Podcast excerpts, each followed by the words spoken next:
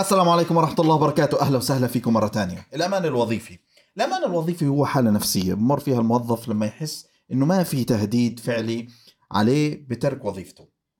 وهذا له أسباب كتير بتعتمد بشكل رئيسي على طبيعة المكان اللي أنت فيه المؤسسة وحجمها. في هذا البودكاست أنا جاي أتكلم عن فكرة الأمان الوظيفي لإلك كإنديفيدوال كشخص. مش كمؤسسة ولا كمدير في انك أنت تحسس الناس الموجودين بالأمان الوظيفي لأنه أكيد له أهمية كبيرة في الإنتاجية واستقرار الشركة أو المؤسسة. حقيقة الأمان الوظيفي وكيف ممكن تحققه. أنا حسام الكرد وهذه خبرة عمل بودكاست جديد. يلا معنا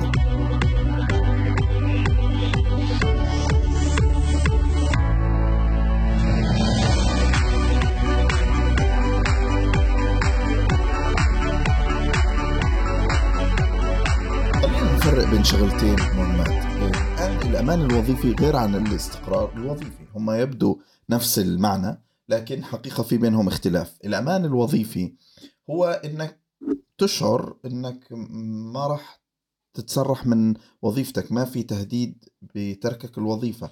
لكن ممكن أنت تكون بتشتغل في نفس المؤسسة بوظائف مختلفة. يعني آه، تصير عندك وظيفة تانية بتعملها بجانب اللي أنت بتعمله آه، تتطور وهكذا. هذا الأمان الوظيفي بالآخر له علاقة بتركك الوظيفة أو لا.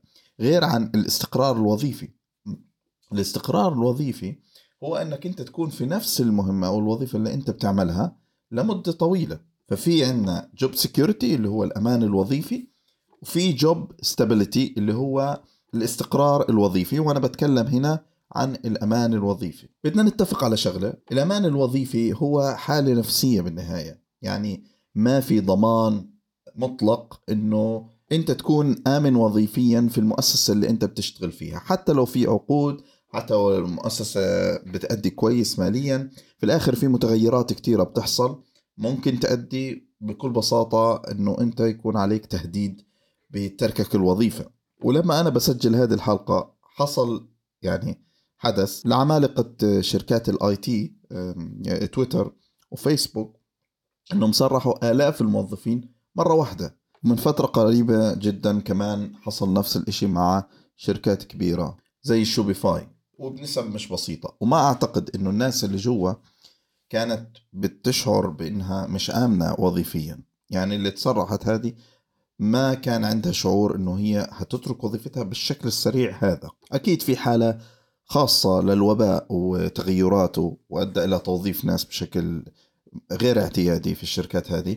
لكن أيضا التغيير هذا موجود دائما وبالذات مع تقدم الوقت بصير أسرع وأسرع. حتى التغيير هذا بدأ موجود في الحكومات. في, ال... في الوقت اللي فات كانت الحكومات كتير منها متراجع وفي رتاكة يعني رقابية بتأدي بالنهاية إنه ينشأ ناس يقعدوا في وظائف لمدة طويلة جدا بدون ما يكون عليهم أي تهديد وظيفي. وهذا ورث شعور آه، عند الآباء بالذات إنه لازم أبنائهم يلتحقوا في وظائف مثل هذه.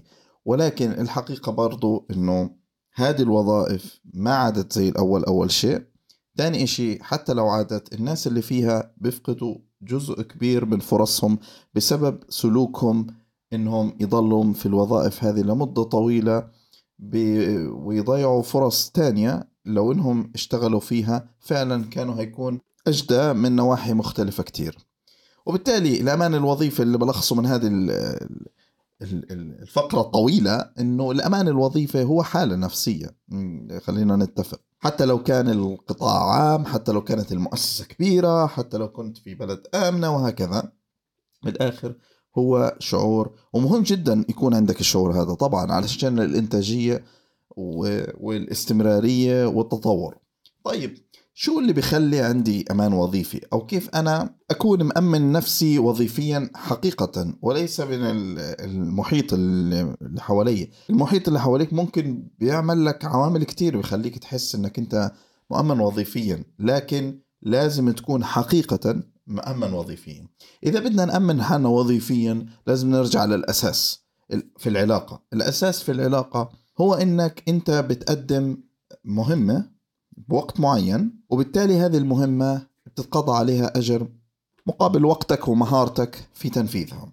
والمحافظة على الفكرة الأساسية هذه مهم جدا. يعني أنت لازم يكون عندك مهارة مطلوبة متطورة كفاية عليها طلب بحيث أنك أنت تستطيع استخدام هذه المهارة في أنك تأمن نفسك وظيفيا. التطور في المكان اللي أنت بتعمل فيه المهمة هذه مهم جدا. استمرارك فيها مهم جدا وتأكدك أنه هي عليها طلب مهم جدا. ففرض أنك أنت كنت بتشتغل في مكان ولسبب ما أنت تركت المكان هذا سواء منهم أو منك فأنت عندك مهارة مطلوبة بتقدر ببساطة تروح تشتغل فيها في مكان تاني. وبالتالي ما حصل لك تهديد كبير في إنك تركت الوظيفة اللي أنت فيها بسبب وجود هذه المهارة. فالتركيز على المهارات في شغلك هو أمر ضروري علشان تضمن الأمان الوظيفي.